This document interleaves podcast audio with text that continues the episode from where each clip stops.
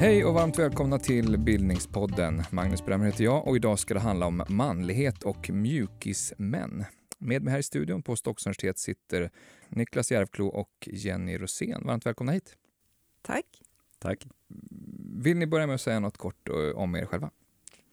Ja, eh, jag heter som sagt Jenny Rosén eh, och jag har forskat om eh, könsrollsforskare på 60 och 70-talen. Jag heter Niklas Järvklo. Jag skrev en avhandling eh, som heter Den nya mannen som handlar om hur eh, man har jobbat för att främja jämställda män inom jämställdhetspolitik bland annat i Sverige från 70 80-talet fram till idag. Mm. Och ni är båda idéhistoriker? Ja. ja. Mjukismannen, om jag säger det, vad, vad ser ni då framför er? Det man liksom förväntas svara är att eh, en, en tanke om på 70-talet då kom det liksom mycket idéer i svang om att eh, man skulle få nya könsroller, frigöra sig och för män så kom det, liksom, det blev en stereotyp bild av vem den här nya mannen skulle vara, hur han såg ut. Kanske klädd i mjuka kläder, eh, talandes med mild röst, lite försiktig. Eh, men när jag hör ordet, då, då tänker jag mer att det är lite ett, ett förminskande uttryck för, för män som, var liksom, som försökte vara lite alternativa vid den här tiden. Ett, att mjukismannen blev liksom ett ord som man använde för att, att lite raljera med de här männen. Vad tänker du? Vad ser du framför dig, Jenny? Jag tänker också på eh, det utrymme som man eh, försökte skapa och faktiskt eh, på ett sätt lyckades skapa för eh, andra typer av manlighet eh, än, än det typ nästan enda alternativ som fanns om man går tillbaka till då början av 60-talet. Hur, hur, menar du då? Ja, då var ju mannen familjeförsörjaren helt enkelt. Eh, de manlighetsideal eller bilder av manlighet som fanns var ju kopplat liksom, till den typen av roller om man ska prata med könsrollsforskarnas språk. Um, och man eh, då ville i den här debatten liksom öppna upp för alternativ till det här. Så man ska kunna välja annat och välja mer individuellt vad man vill göra i livet. Så den, den, mjukismannen är en, en reaktion, ganska tydlig reaktion mot, mot ett, ett befintligt manlighetsideal? Ja, men det kan man säga. Just att, eh, precis som Jenny säger, om man tänker liksom någon slags 60-talsman med hatt och slips och, och, och, eller för den delen om man jobbade på fabrik, att det var ganska liksom nischat, smalt, så här ska män bete sig. Eh, och de ska väldigt tydligt liksom manliga, man får inte liksom avvika, inte vara feminin eller liksom eh, bryta med normerna vid tiden. Eh, då fanns det ett slags frigörelseprojekt under, som växte fram 60 och 70-talet där man ville liksom tänka nytt. Hur, hur ska vi vara som människor? Kan man, istället för att prata liksom om eh, en, en stel mansroll, vi är alla människor, människoroller, en, en, en frigjord människa. Du pratar om vad man har att det betyder vad man har på sig också, Niklas. Mm. Eh, velourpappan, eller velourmannen. Eh, är, är, är, är det en synonym till mjukismannen på sätt och vis? Absolut, det är ett uttryck som, som eh, kom dock, velourman eller velourpappa. Alltså velour är så mjuka, lite så sammetsliknande kläder. Som också var en, en, en just det så var en design som kom också på 60-70-talet. Liksom. Tidens, eh, ett frigjort mode, man kunde klä sig i mjuka, liksom, människovänliga kläder och sånt där. Och när även då män satte på sig det här, då skapade det debatt. Ehm, men uttrycket velourman, eller velourpappa, det, det var just ett exempel på en, en, en, kritisk diskussion som kom egentligen på, i början på 80-talet när man sa att de här männen som var så mjuka och försökte hitta någon slags ny form, det, var, det utgjorde ett hot. Ska, mm. ska de, de, för de skulle också vara nära sina barn och vara omsorgsgivande eh, pappor. Men de ser ut som kvinnor, de klär, de, det här kommer att skapa förvirring mm, mm. För, för, barnen. Och då kom det där begreppet, de är en slags velourpappor. Mm. Hur går det? Ni, ni ringer in 60-70-talet väldigt tydligt direkt när jag säger, sa det här ordet. Går det att säga någonting om varför det här hände just där och då? Eh, jo, men eh, i, där i slutet av 50-talet och början av 60-talet så är det liksom flera saker som händer samtidigt. Eh, det är både så att eh, det finns en arbetskraftsbrist. Så då kommer en tanke om att kvinnor faktiskt kan förvärvsarbeta i högre utsträckning. Och sen finns det också samtidigt rörelse i debatten eh, som, som vill öppna för liksom, alternativ till eh, den här, liksom, som Niklas sa, stela då, rollfördelningen. Och då blir det ju en synk mellan båda de här krafterna, man ska säga.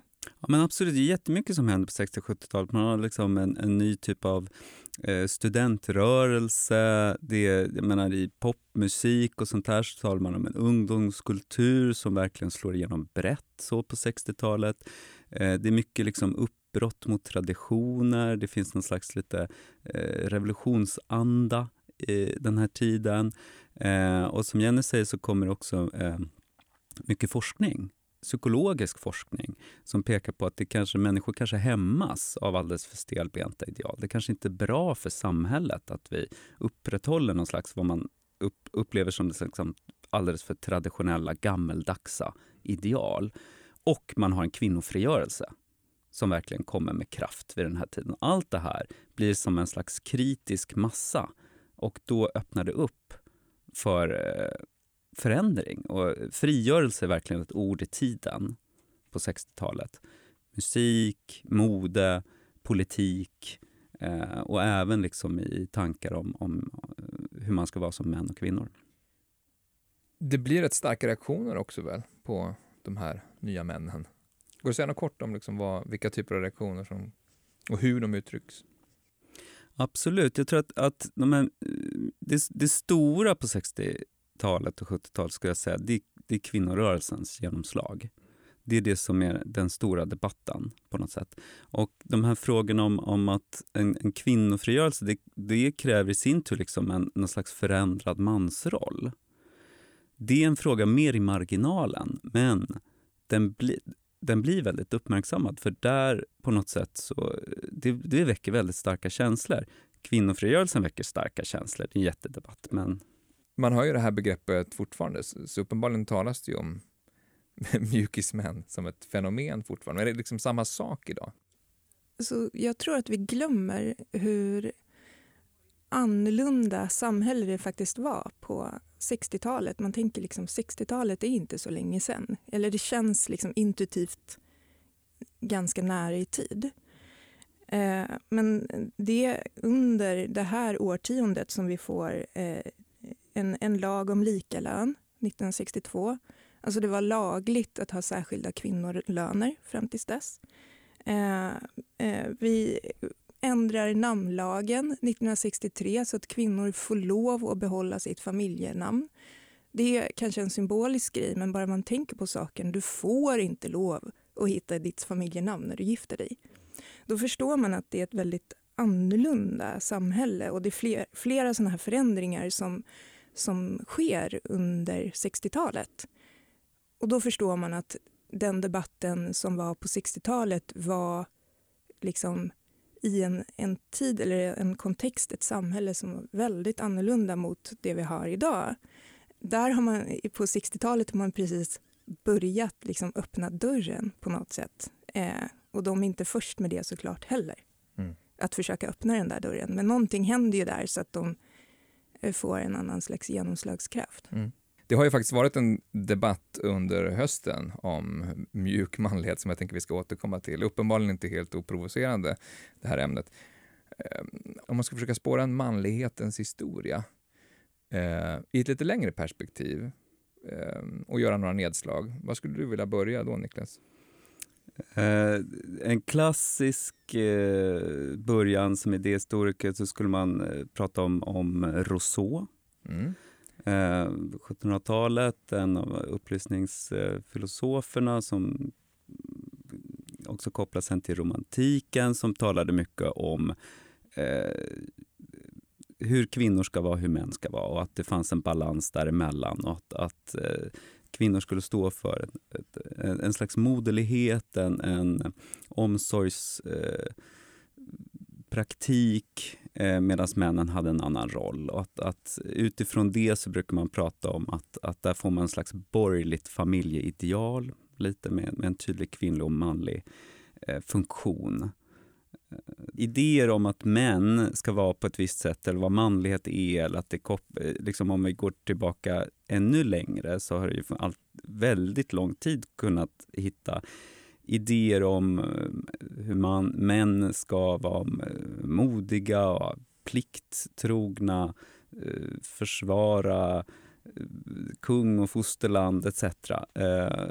Så att män utövar har makten i hushållet etc. En slags patriarkal historia kan man göra hur lång som helst om man vill. Men om man, om man vänder på det då och, och tittar på vurm för mjuk manlighet genom historien, vad, vad, vad finns det för exempel där? Det, ibland när man pratar om den liksom tidigare historien så, då brukar man ta upp så att ja, men på 1700-talet då, var också, då kunde män eh, gråta offentligt och visa känslor och ha eh, också djupa vänskapsband med andra män och kalla varandra åh jag älskar dig min, min käraste vän och såna här saker. Om man tittar på brev från tiden. Och så, som idag då kan uppfattas som oj vad Eh, känslobejakande, oj vad modernt kanske eller så.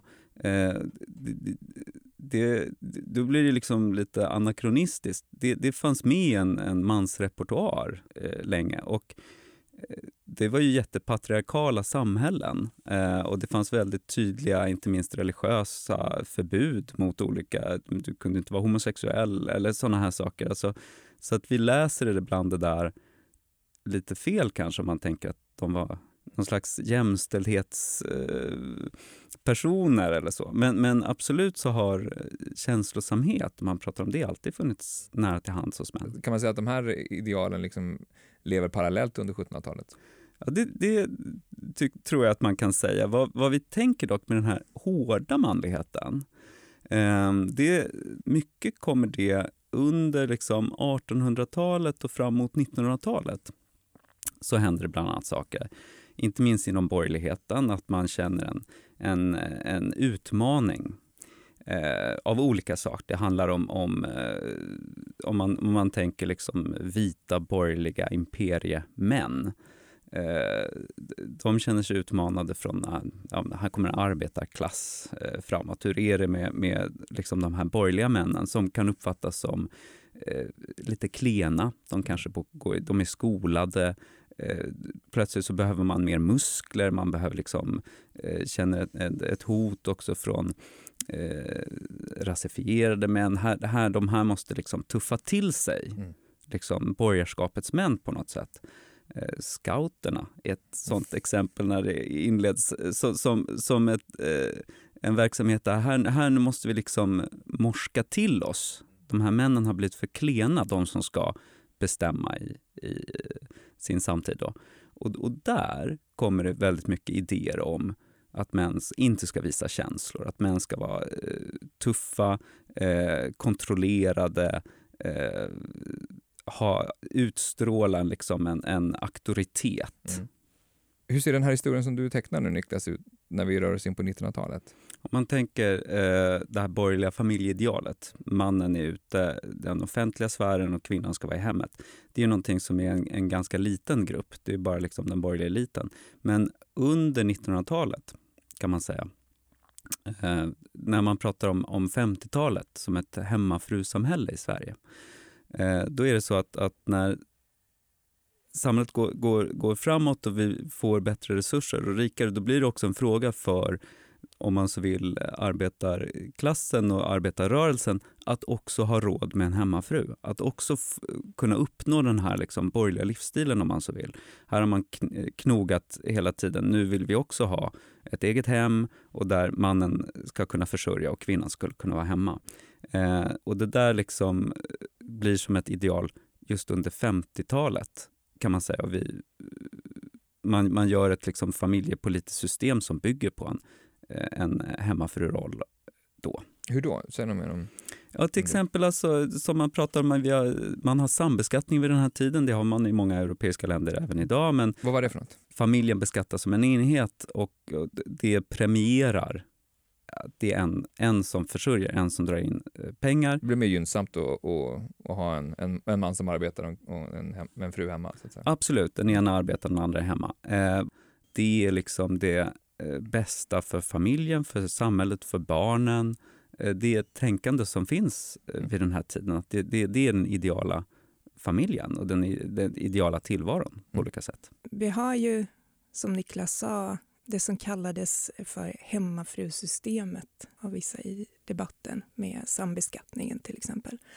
Eh, och samtidigt så finns det också även före eh, 60-talet, till exempel bland eh, socialdemokratiska kvinnor och Alva Myrdal är ett stort namn eh, i, i det att man eh, också vill att kvinnor ska kunna förvärvsarbeta. Och då tänker man lösningar som handlar om kollektivisering. Att samhället då ska gå in och kunna eh, ta över såna här typiskt kvinnliga sysslor i, i viss del. Till exempel ha dagbarnvård, eh, kollektivhus tänker man sig där, där saker kan skötas tillsammans och så. Men där är det inte så mycket frågan om att det här ska fördelas då mellan eh, en, en man och en kvinna i ett tänkt liksom, heterosexuellt äktenskap utan då handlar det om att eh, kvinnan ska frigöras av kollektivet så att säga Mm. från sina sysslor. Så det är liksom inte frågan om att mannen ska in i familjen mer utan kvinnan ska kunna komma ut ur familjen med hjälp av olika liksom, samhällsstöd och åtgärder. Men om man tänker, för nu när vi pratar om leda tråden framåt mot en mjuk manlighet så, så kommer ni ju väldigt mycket in på rollerna mellan könen och, och, och så. Hur mycket är Mjukisman en produkt av liksom en jämställdhetsdiskussion? På ett sätt så väldigt mycket då eh, eftersom det som det börjar handla om då eh, i den här könsrollsdebatten som kommer på 60-talet så börjar det också handla om bådas roller. Eh, så det kommer liksom ett skifte smygande, lite försiktigt som sen liksom ökar i intens- intensitet. Ehm, att det kanske inte bara är ehm, kvinnan som ska kunna röra sig ut ur familjen. Det kanske också handlar om att båda ska kunna göra både och. Då blir det ju också att det börjar handla om eh, manlighet och vilka liksom, manligheter finns det. Och, och så. Jag skulle hänga på och säga att det som kommer i bland könsrollsforskare också eh, är att man, man, man, får, man får nys på en problembild med frånvarande fäder. Eh, att att de här, det här bygget med liksom mannen ute och jobbar, kvinnan i hemmet och tar hand om och är närvarande och vårdar barnen. Det kan leda till problem för, för barnen, ser man. Att liksom ha den här frånvarande pappan, kan, då får inte eh, barnen någon liksom grepp om vad en, en man egentligen är i verkligheten. De skapar sig fantasier, eh, pojkarna överkompenserar kanske, flickorna eh, vet inte heller riktigt hur ska man förhålla sig till män, för de är aldrig hemma. Här gör man liksom experiment och forskar på, i Norge bland annat, barn eh, som har pappor som är sjömän, till exempel, som är borta länge. Alltså hur, hur mår de här barnen? Hur socialiseras de in i könsroller? Så det här är liksom state of the art psykologisk Mm. eh, forskning som sker där eh, tidigt 60-tal. Eh, och, och då får man nys på att nej, men det, här, det här leder till problem. Är det så att forskningen föregriper och på sätt vis skapar debatten? Ja, det var både och egentligen. Eh, att forskarna liksom initierade, men det kom också från politiskt håll och andra aktörer i debatten. Så det fanns en, en samverkan här. Så i slutet av 50-talet så frågade familjeminister Ulla Lindström efter den här typen av forskning. Eh, forskning om eh, kvinnors situation på arbetsmarknaden men också eh, hur, hur man kan organisera familjelivet. Alltså i princip vad skulle hända om vi skulle börja ändra på de här sakerna? Eh, vill man veta från politiskt håll. Eh, så att det kommer liksom en sån, ett sånt initiativ också. Samtidigt som de här forskarna är ju väldigt måna om att eh, också verka för den här typen av förändring. Så när en familjeminister går ut och, och, och, och liksom uppmanar forskare att titta på de här frågorna och, och, och, det känns som att någonting börjar hända i samhället. Kan ni ge fler exempel på vilka typer av argument som framförs eller vilka faktiskt politiska saker som, som, ehm, som tillsätts eh, in i 60-talet?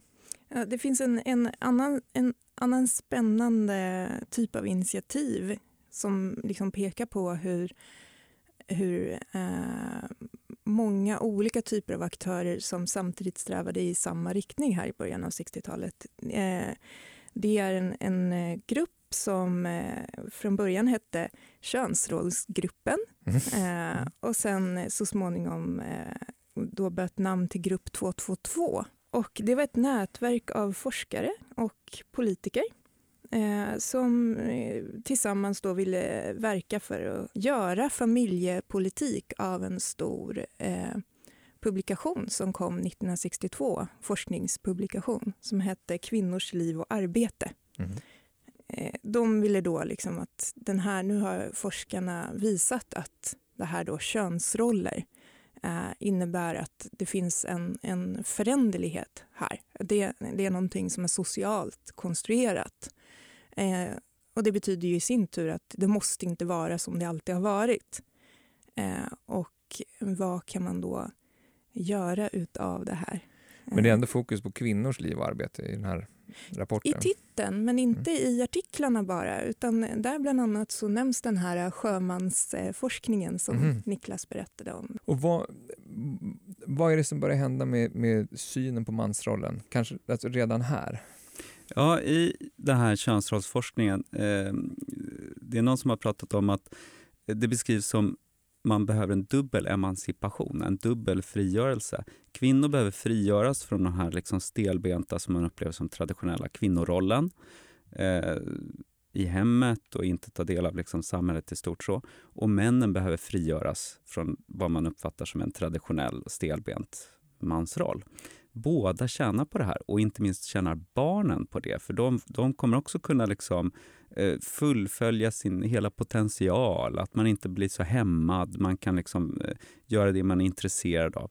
Det här blir en idé, att, att med frigjorda könsroller, då, då kommer människor må bättre och, och samhället må bättre. Det, det börjar sätta sig som en, liksom, en vision vid tiden. I forskning och i politiska sammanhang och sen så kommer en stor våg av det som man kallar för kvinnofrigörelse, också i början på 60-talet. Women's Liberation i USA och ett motsvarande engagemang i Sverige. Och de är ju aktivister och liksom kräver... På, det här är liksom en slags vetenskaplig diskussion och den är väldigt så förankrad i forskning och hur, hur, vad mår barn bra av? Hur eh, organiserar vi ett, ett eh, gott samhälle? Eh, vilken familjepolitik ska vi ha? Det här är ganska liksom sådär, eh, väldigt förnuftiga argument.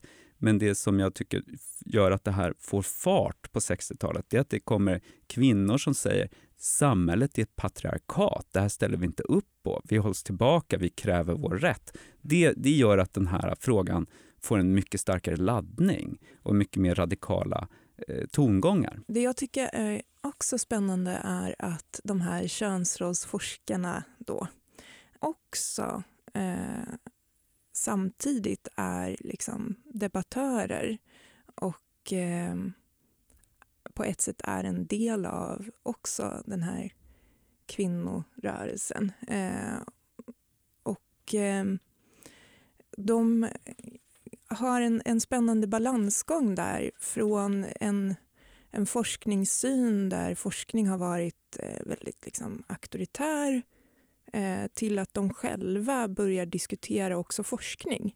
Mm. Då, forskarrollen? På ja, forskarrollen och eh, liksom har en vetenskapskritisk ansats. Eh, så de får ett oerhört genomslag för sina idéer. Eh, samtidigt som de eh, tappar i auktoritet genom att de gör så här. För att de är forskare och debattörer på samma gång? De, de kallas för debattörer i Mm. debatten fast de är forskare och de har belägg för det de säger. Mm. Och det här är ju någonting som de liksom retoriskt gör. De väljer den här vägen eh, för att också kunna diskutera alla de här frågorna kritiskt. Men när man, när man ser eh, eh hur kvinnorörelsen, 60-talets kvinnorörelse, den andra vågens feminism brukar de prata om, eh, diskuteras idag eller dramatiseras i tv-serier eller annat, så är det mycket fokus på, på, på kvinnans position och kvinnans roll. Men det är så att mansrollen också väldigt aktivt diskuteras i de här sammanhangen för att det hänger ihop med hela frågan. Ja, eh, eh, den, den diskuteras mer i marginalen får man säga. Eh, men den finns absolut med och eh, i den här, eh, som vi pratade om, man får en problembild liksom, som de här frånvarande männen, papporna eller sånt där. Då ser man också, då- börjar man tänka på att man ser en massa olika typer av problem som behäftar med män. Allt från alkoholmissbruk, våldsutövande, att man är känslomässigt stum på något sätt. Det, det tar man upp som exempel på avarter av den här mansrollen. Och det kvinnorörelsen går fram och kräver, eh, ett liksom slut för patriarkatet, det börjar man kanske prata om mer på 70-talet, Mm. eh, det begreppet, och blir ännu mer radikal. Sådär. Eh, I förlängningen så efterfrågar man också en annan typ av man som inte står för det här liksom upprätthålla ett stelbent patriarkalt samhälle. Så de där hakar i varandra. Att man, man får en idé från forskning lite också att det här skulle gynna män själva.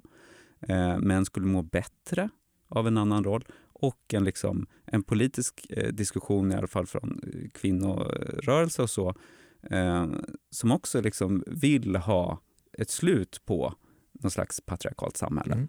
Jag bara eh, tyckte det var roligt att haka i det här med just eh, kvinnofrågan eh, frågan och hur, hur det får ett genomslag där i, i slutet av 60-talet och, och framåt.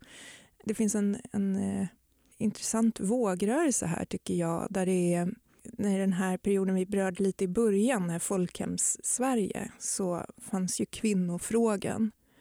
Eh, och då var det liksom för att det här eh, förledet kvinno, att den var lite perifer. Det, det är den här kvinnofrågan. Mm. Eh, hälften av befolkningen, men ja, nej, det är kvinnofrågan.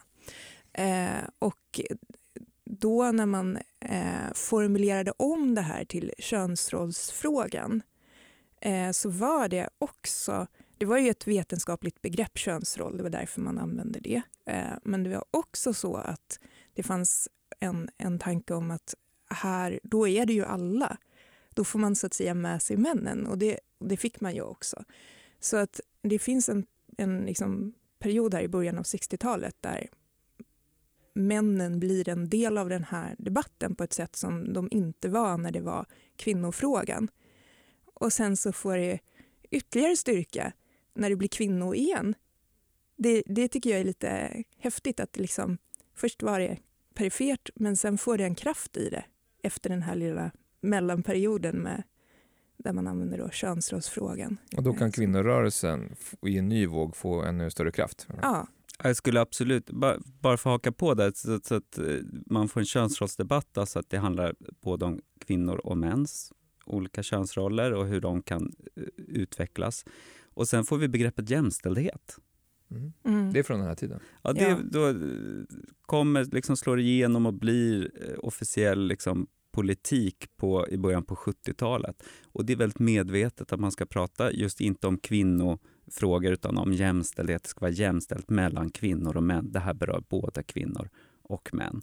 Och vid den här tiden så då tänker man, liksom det här, om det börjar där på slutet av 50-talet redan och man har en stor diskussion om detta på 60-talet så blir det liksom, när vi pratar om jämställdhetspolitik idag eller om, om det här med att, att det nu är en, en slags norm att, att eh, båda i en familj, båda arbetar och både män och kvinnor ska förutsätts kunna ta hand om barn och dela på sysslorna i hemmet och sånt där. Det blir liksom statligt sanktionerad politik i början på 70-talet under etiketten jämställdhetspolitik.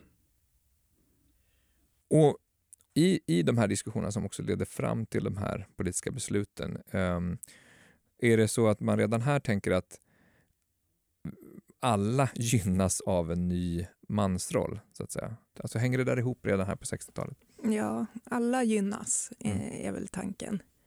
Eh, och sen så ligger olika inlägg i den här debatten och även olika forskare ligger olika aspekter av det här. Men om man liksom sammanfattar hela budskapet så är det eh, männen eh, kommer ifrån en, en destruktiv manlighet som har en mycket högre statistik på självmord, eh, alkoholism eh, och olika typer av saker som då är, är väldigt eh, destruktiva och, och farliga med den här eh, liksom, hårda manligheten som Niklas pratade om innan. Eh, och eh, kvinnor frigörs då från en, en isolerad eh, roll i hemmen eh, där man också börjar prata om isoleringen som uppstår när, när familjer isoleras i de här eh, förstäderna. Och om du kanske är isolerad i en lägenhet utan eh, så mycket andra personer omkring dig, då är det bara familjen som är ditt liv och så ska kvinnor frigöras från det här. Eh, och barn eh, ska få båda sina föräldrar närvarande. Så då gynnas ju alla av den här förändringen. Vi börjar närma oss 70-talets mjukismän nu. Mhm. Men den här jämställdhetspolitiken som, ni, som, ni, som växer fram här, som ni eh, beskriver, vad får den för konkreta resultat på 70-talet? Går det att nämna några enskilda saker? Det får stora resultat. Det är en total omstöpning då av familjepolitiken. Man får eh, man, man säger så här, okej okay, nu ska vi få ett jämställt samhälle och det kräver en eh, utbyggd barnomsorg, alltså dagis för alla. Det här är liksom det man lanserar då. Det kommer ta lång tid innan det realiseras, men tankarna kommer här och politiken liksom förbereder det. Vi får en, en individuell beskattning då som ger ekonomiska incitament för att bägge i en familj arbetar. Och så får vi en, en könsneutral föräldraförsäkring som betyder att när man har små barn då kan mamman eller pappan vara hemma med de här. Och det är en total världsnyhet. Det kallar man som att, att vi inför en möjligheten till betald pappaledighet. 1974 är, är det klubbat och klart. Det är världsunikt alltså? Det är en världssensation eh, ska jag säga. Det man uppmärksammar detta mycket och eh, som ett tecken på det här moderna eh, fritänkande Sverige som går före i utvecklingen. Här vill man verkligen från politikens sida liksom lansera Sverige är bäst. Titta, mm. eh, vad häftigt. Och, och då blir det här som en symbol för det. Ja, man, man marknadsför det här från statligt håll? Absolut. Mm. Eh, Olof Palme är statsminister vid tiden. Han engagerar sig starkt i jämställdhetsfrågan. Också för att det finns det här, det finns ett krav i liksom samhället, det finns forskning, det är också ekonomiskt rationellt. 60-talet så är liksom det arbetskrafts eh, behov. Det finns, vi behöver liksom kvinnor ute i arbetslivet och då passar det här också väldigt bra. Han är i USA och eh, håller föredrag på så här, eh, Democratic Women's Association eller någonting sånt där. Då, då, då håller han ett tal som handlar om the emancipation of man och han pratar om männens befrielse. Det är jättefascinerande tal. Han skriver också en artikel om det här. Eh, och då är det så här att, att könsrollsfrågan, jämställdhetsfrågan, kvinnofrågan, den har vi redan löst i Sverige. Så långt framme är vi. Eh, om någon i Sverige på det här i början på 70-talet skulle säga att kvinnor borde vara hemma, de borde stå vid spisen, då skulle den liksom bli utskrattad och betraktas som från stenåldern. Det där, där är vi hemma. Det nya som vi har börjat med, det är männens frigörelse. Där, där, står han och verkligen lanserar Sverige som det liksom mest moderna landet i världen. Och nu, nu, får, nu ger vi möjlighet till män att vara hemma och ta del om oms, omvårdnaden av små barn. Det är bra för barnen och det är bra för männen själva. 1974. Det är jättefå som då alla tycker det här, det här är ganska uppbackat politiskt. Det är självklart en diskussion om detta även då, men många köper detta. Det är en, en anda i tiden som är progressiv i de här frågorna. Ja, men det, jag tycker att det är, jättespännande att Olof Palme då lanserar det moderna Sverige på det här sättet. För att det är någonting som har kopplats ihop i debatten från liksom 60-talet och sen fram hela den här perioden. Eh, just moderniteten hör ihop med eh, jämlikhet, jämställdhet, eh, att, eh, individualitet. Så det här med eh, att man ska kunna eh, inte vara fast i gamla könsroller. Det handlar ju också om individualiteten. Det, det står i motsats då till ett gammalt, patriarkalt, eh, fördomsfullt, föråldrat samhälle. Så där har vi liksom begreppsparen. Eh, och då får de här idéerna en, en, också en, en genomslagskraft tack vare att, att de räknas som moderna. Det är det nya moderna. Eh, det, blir, det är väldigt svårt att säga emot liksom, det, för att modern ska man liksom vara.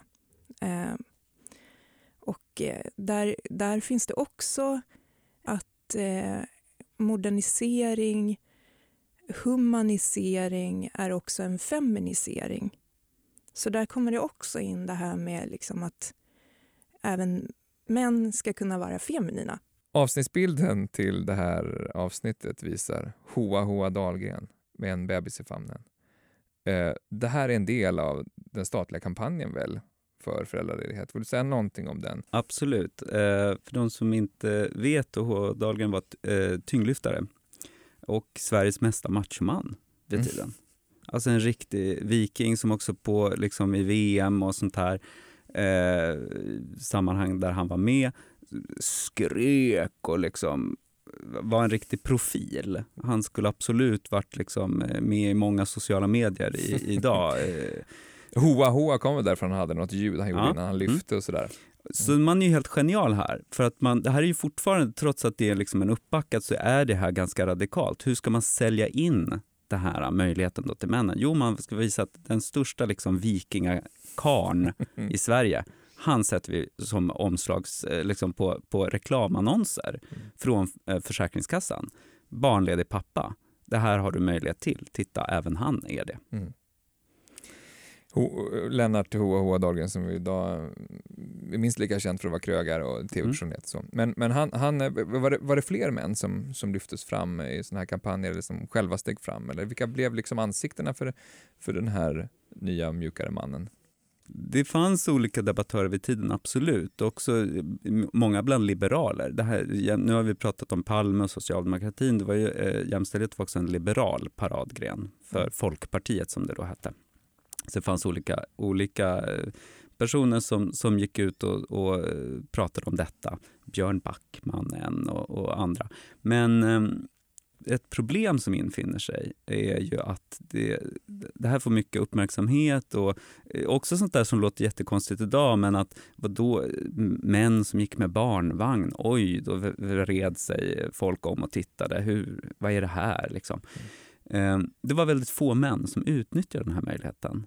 Mm. Så att det, det, det, blev liksom ett, ett problem. Man pratade mycket om detta, åh så modernt, så bra, men i praktiken var det väldigt få män som... Om, kvinnor gick ut i arbetslivet i jättestor utsträckning och eh, förhöll sig till liksom kvinnofrigörelsen och, och så. Män gjorde i mycket mindre utsträckning samma resa. Så barn kom in tidigare på förskolan istället? Så. Absolut. Mm. Det blev liksom dagis som fick eh, lösa det här.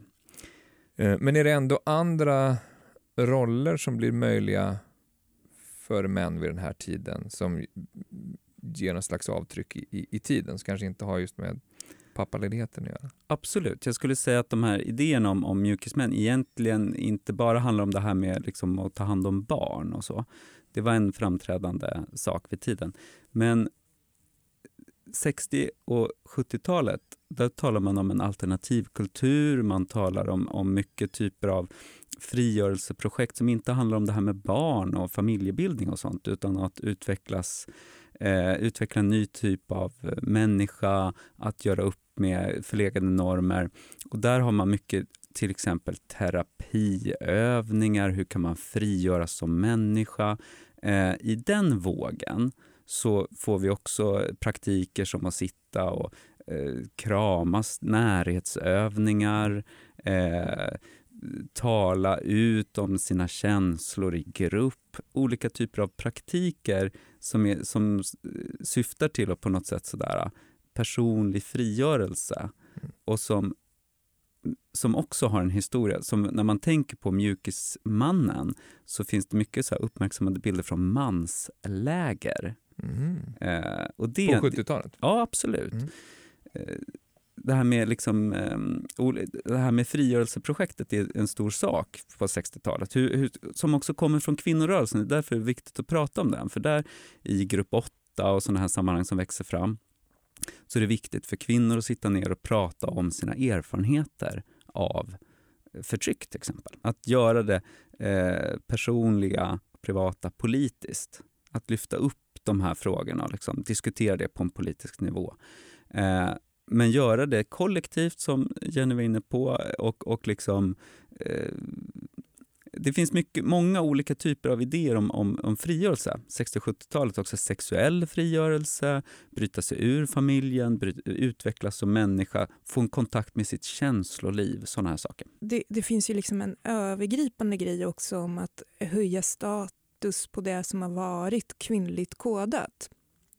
Eh, att, att eh, vård, omsorg, eh, känsloliv och så har eh, liksom på något sätt förpassats till kvin den kvinnliga sfären och att hela samhället mår dåligt av det. Eh, innan så sa jag att både männen, kvinnorna och barnen men eh, man pratar också även om samhället som helhet, alltså att ha ett, ett, ett fungerande, välmående samhälle. Och, eh, kommer även in eh, frågor om hur aggressivt eller hårt samhället är. Om, om man kan bygga ett fredligt, modernt samhälle som har de här värderingarna eh, där, där kvinnlighet också finns. Eh, som både tillgängligt för män och kvinnor och för samhället som helhet. Det fanns en organisation, eller en förening som bildades i Sverige som hette Befria mannen. Eh, det här var på 70-talet och liksom andra hälften av 70-talet egentligen. Och då eh, hade en dansk förlaga, det fanns en stor sån dansk eh, mansrörelse som var liksom feministisk. Det gjorde man också i, i Sverige. Då skulle män träffas där och just lägga av sig den traditionella mansrollen och våga prata med varandra som människor, öppna upp om sina känslor, eh, våga vara nära andra män. Ehm, ett, ett exempel på, på den tidens eh, idéer om just eh, frigörelse på olika sätt. Um, och så kunde de sitta där och, och, prata, försöka prata mjukt med varandra, inte dominera. Uh, Jan Guillou uh, jobbade då vid tiden som reporter, uh, Folket i Bild hette tidningen, och han, gjorde, han åkte till ett sånt här mansläger för att titta på vad det här var. Och så skrev han 1979 en otroligt raljant och beskrivning av detta. Där sitter de liksom mjuka och mesiga menade han och vad är det här? Vad, har, vad, vad ska, tjänar det här för syfte? Han var ju också väldigt liksom mån om att framställa sig som en ganska tuff, tuff mm. kille. Mm. Mm. Eh, så, så att den, den, det reportaget tror jag satte väldigt mycket en bild av det här jomsiga, larviga mm. mjukismans-idealet. Eh, det är bara töntigt, menade han. Skåpade ut det. Vi har pratat en del om hur, hur eh, manlighetsfrågan går in i, i jämställdhetsfrågan och kvinnorörelsen. Men är det så att det, det, det finns en liknande korrespondens mot eh, hbtq-frågor, gayrättigheter och så? Absolut, det gör det. Eh, det kom ju också en gay liberation vid den här tiden, under 70-talet inte minst, början på 60-talet. Och i, i, Sverige så finns det, jag menar, RFSL har, har verksamhet kring eh, sådana saker också och, och eh, det finns eh, organisationer som Röda bögar på 70-talet. Alltså det, det här tar också plats i offentligheten, att man kan vara eh, homosexuell eller ha en annan sexualitet än heterosexuell. Och eh, i de här äh, manslägren och mans, de här mjuka männen, eh, då är det också en fråga. Att liksom, eh, för dem då göra upp med bögnojan, att man som man inte ska behöva liksom vara homofob om man är heterosexuell eller kanske testa sin sexualitet och så. Och det där skapar också en väldigt stark laddning. i den här frågan. Hur utvecklas hela den här frågan in i 80-talet sen? Eh, ja, det, det tonar kanske ner lite i den här offentliga debatten på 80-talet så är det annat som, som tar vid. Men i statlig politik så finns det kvar. Då, min avhandling handlar om hur man då försöker eh, främja den här jämställda mannen genom olika typer av arbetsgrupper och utredningar som eh, eh regeringar tillsätter och olika typer av informationssatsningar. För man ser ett värde i att jo, men vi vill få män mer jämställda. Om man ser de här problemen som man med eh, mäns hälsa och, och, problemet med att män inte utnyttjar föräldraförsäkringen och så. Det här vill man främja. Så man har en massa olika, som jag kallar maskulinitetspolitiska projekt. Från 80-talet, det finns en stor arbetsgrupp om mansrollen, heter den. Och sen så fortsätter det. Arbetsgrupp om mansrollen? En statlig arbetsgrupp om mansrollen där man mm. samlar forskare, experter experter, olika företrädare från samhällsliv och sånt där för att sitta ner och prata hur ska vi få fram den här manliga eh, frigörelsen? Hur, hur ska vi få män att inse värdet av jämställdhet och på vilket sätt är, jämställdhet en mansfråga? Mm, det är samma frågor som har... Absolut, men det, det, får liksom i och med att männen inte blir så mycket jämställda så blir det ett problem och då måste man eh, försöka påverka männen och sälja in det här och öka kunskapen hos män om att det här är inte bara någonting som rör kvinnor, det här ska man, bör man gå in med med öppna ögon och, och se värdet av. Vad, vad, som hände sen på 90-talet skulle jag säga, då får vi en, en, eh, en särartsdebatt i samhället. Och där finns det också en, en väldigt så här kritik mot eh, att de här männen på 70-talet de blev mjuka, som man säger. Och de mådde inte bra av det. Och män borde bli jämställda, men de ska bevara sin manlighet. Det fanns en, stor, en bok som spreds som hette Järnhans amerikanska poeten Robert Bly. Fa fascinerande bok, tycker jag man kan läsa. Eh, som pratar om... Vad heter den på engelska? Iron John. Iron John. Och det här är då grundat i, grundat i jungiansk teoribildning. Mm. Om spelet mellan manliga och kvinnliga, anima animus. Alltså, eh, också som, och det är ganska mycket lite new age-influenser. Det här blir stort på 90-talet och varför jag säger det, det är för att eh, om man tar en debattör idag, som Jordan B. Peterson till exempel, som just en så här lite mansaktivist framhålls han som, kritisk till det feministiska projektet, män måste hitta sin egen röst. Han, han säger väldigt mycket av, av det som eh, till exempel Rob skrev, pratar om på 90-talet. Att, att det finns liksom, jämställdheten har gått för långt, den har hämmat männens egen manlighet på något sätt. Och det handlar om att gärna kanske vara jämställd men att liksom bekräfta sin, sin, sin manlighet och hitta mm. någon slags urmaskulinitet. Om vi ska komma in på, på, på dagens manlighetsdiskussioner så vi kan ju ta det här väldigt aktuella exemplet med papparetreaten som har blivit väldigt omdebatterad, väckt, enormt mycket känslor eh, under hösten. Det grundar sig i tre pappor som la ut ett klipp på Youtube och berättade att de skulle åka på en en papparetreat som liknar lite grann mansläger du beskriver. Eh, prata känslor, prata papparoll. Det väckte starka reaktioner direkt eh, och har nu blivit en dokumentärserie som har gått i SVT. Jenny, kan du säga no någonting om vad det här handlar allt det här om och vad handlar liksom den här tv-serien om? Tv-serien eh, handlar ju då om de här tre papporna som är tre vänner eh, och eh, jag skulle säga att de försöker vara pappor på sitt sätt. Och sen så eh, är det, det är en sån här klassisk eh, real life dokumentär. Liksom. Man filmar dem när de lever och gör sin grej. Men de, ja, de, vill, de ska göra en papparetreat och eh, de gör det här eh, ett par år i rad. Mm. Eh, den första blir lyckad tycker de, så de gör om det vissa saker att göra kanske med upplägget för, för retreaten och har lite new age aura med dricka kaka och dansa till månen. Sådana här saker som kanske inte bara är en manlighetsfråga. Jag vet inte. Men, men vad har du som, som manlighetshistoriker, Niklas, reagerat på i både serien och reaktionerna? kanske? Nej, men jag, jag tycker att det, får ju, det blir ju en hysteri kring att åh, det här är... Dels så får man rätt mycket så här, lite kanske konservativa, så här, det här är fel, det här ska inte män, män borde bita ihop istället. Mm. Vad är det här för trams? Lite som eh, Jan Guillou mm. på eh, 70-talet. Men samtidigt så finns det ju något i det där som, som lätt verkar lite löjeväckande. Det är kanske också att folk blir, tycker att det här är lite liksom eh, navelskådande. Att man liksom säger, ja, men vad gör det här för förändring då? Det är mer att eh, Eh, ett gäng män är ute och liksom har lite kul tillsammans, att man häftar det till att det skulle vara så radikalt. Det är kanske många som tycker att ja, men det där är väl inte så radikalt, det finns väl riktiga problem att ta itu med, eller någonting sånt där.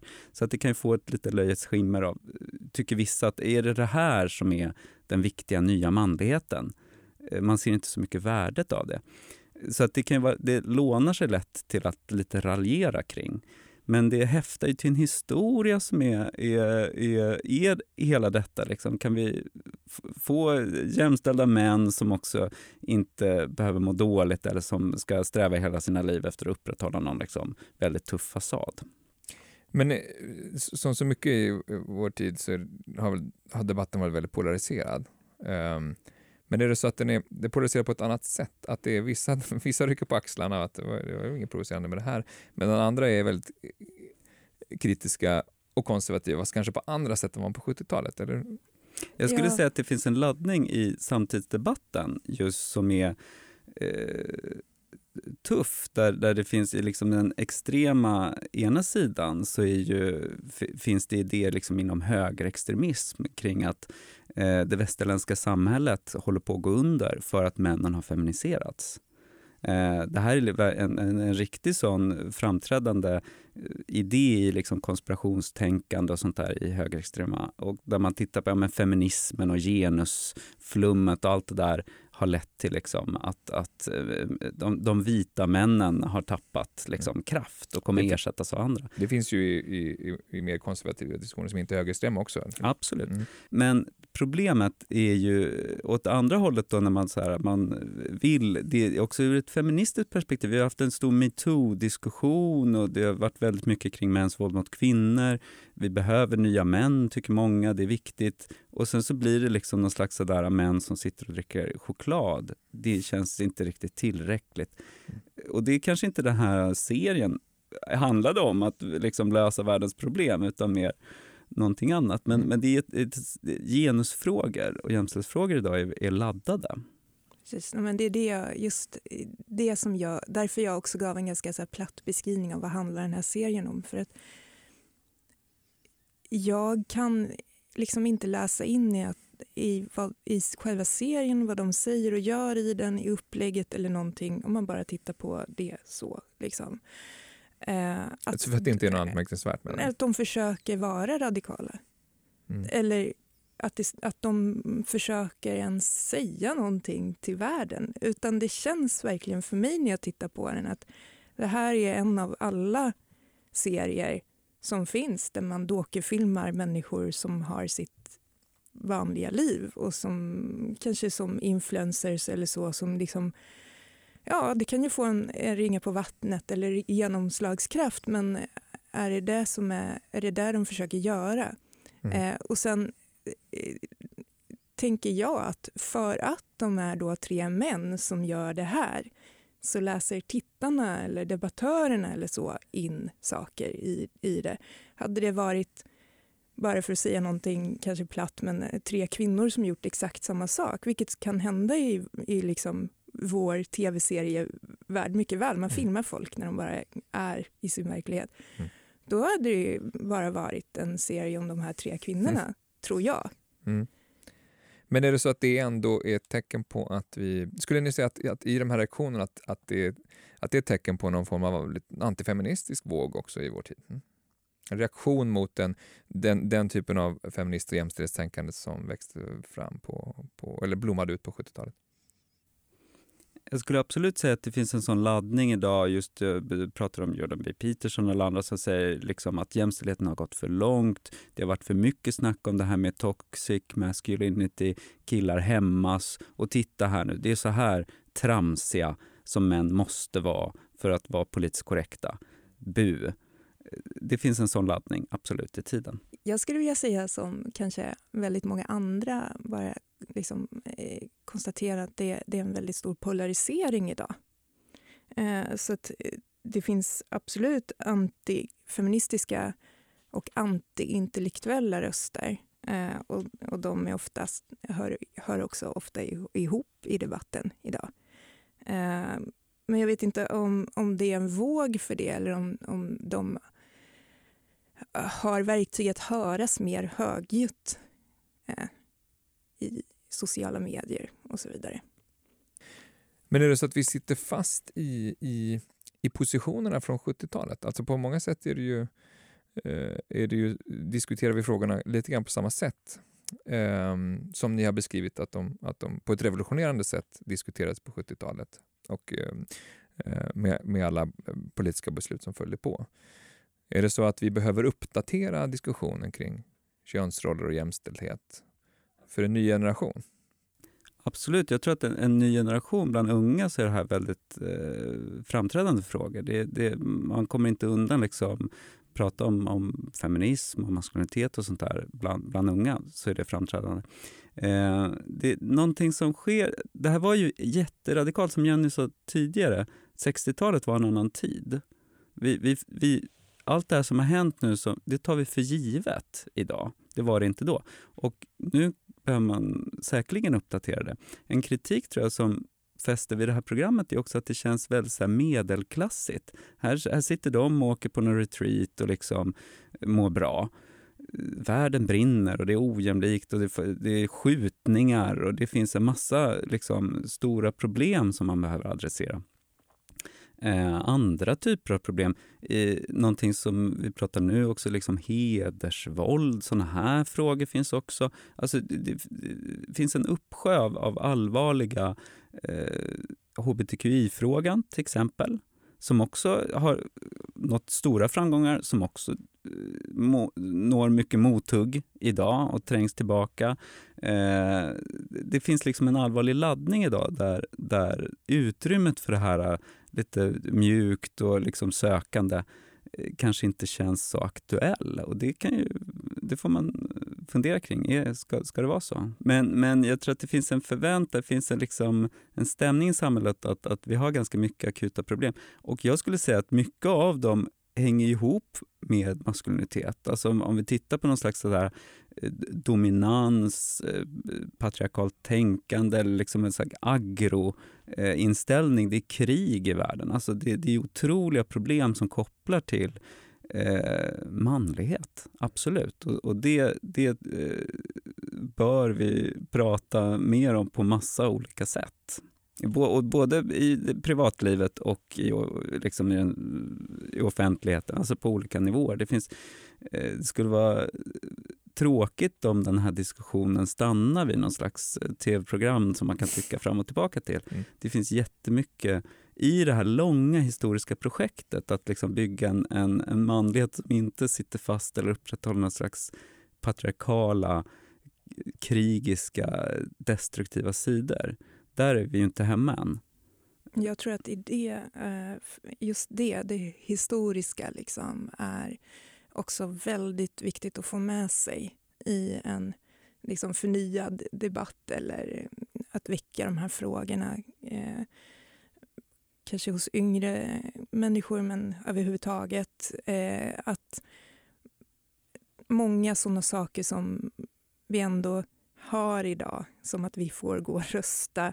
Det är, det är förbjudet att sätta särskilda kvinnolöner och så vidare. Eh, hur nära i tid ändå som, som eh, de politiska reformerna kom. Eh, och att, att man får sätta liksom dagens debatt i relation till det. Eh, att man inte glömmer att, att när, när man pratar om så här, könsmaktsordningen, om eh, lyssnarna har hört det begreppet eller mm. så. Eh, att det faktiskt handlar om någonting som har varit oerhört konkret inskrivet i lagtext. Eh, och då kanske det inte har försvunnit helt ännu. Eh, för att det är väldigt nära i tid. Liksom. Eh, och att eh, sen även liksom det här som, som mina, man ska säga, de jag forskade om, könsrollsforskarna eh, pratade om att eh, eh, individens frihet, att, att, eh, de sa ju att man ska eh, kunna bryta sig fri från könsrollerna. Det kanske känns förlegat att prata om idag, men att eh, ändå att kanske... Jag skulle önska att debatten skulle handla om, eller var i sådana fall en kombination av eh, att man eh, minns historien och också pratar om eh, utrymmet. Att bara få vara, om jag får låta lite flummig.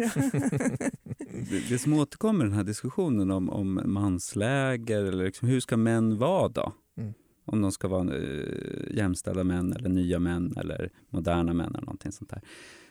Um, den har alltid gått i, i, i någon slags pendelrörelse. Så okay, anamma feministiska praktiker och, och, sitta då i grupp och prata om känslor. Och sen så nej, det där var, det där var, nu ska männen hitta sin egen liksom, inre manlighet. Och sen så går det tillbaka lite mer feministiskt och så. Och nu är vi inne i en sån, det finns många som just eh, tycker att ja, feminismen har gått för långt.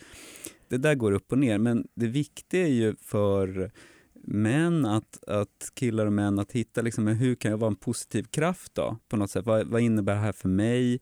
Eh, och inte bara köpa kanske att eh, feminismen har skapat problem för män, utan mm. hitta en, en, positiv, positiv väg. Det får bli eh, dagens sista ord. Jag tackar Niklas Järvklo och Jenny Rosén för att ni ville vara med i Bildningspodden. Tack så mycket. Tack. Tack också ni som har lyssnat. Vi är tillbaka om ett par veckor med ett nytt avsnitt.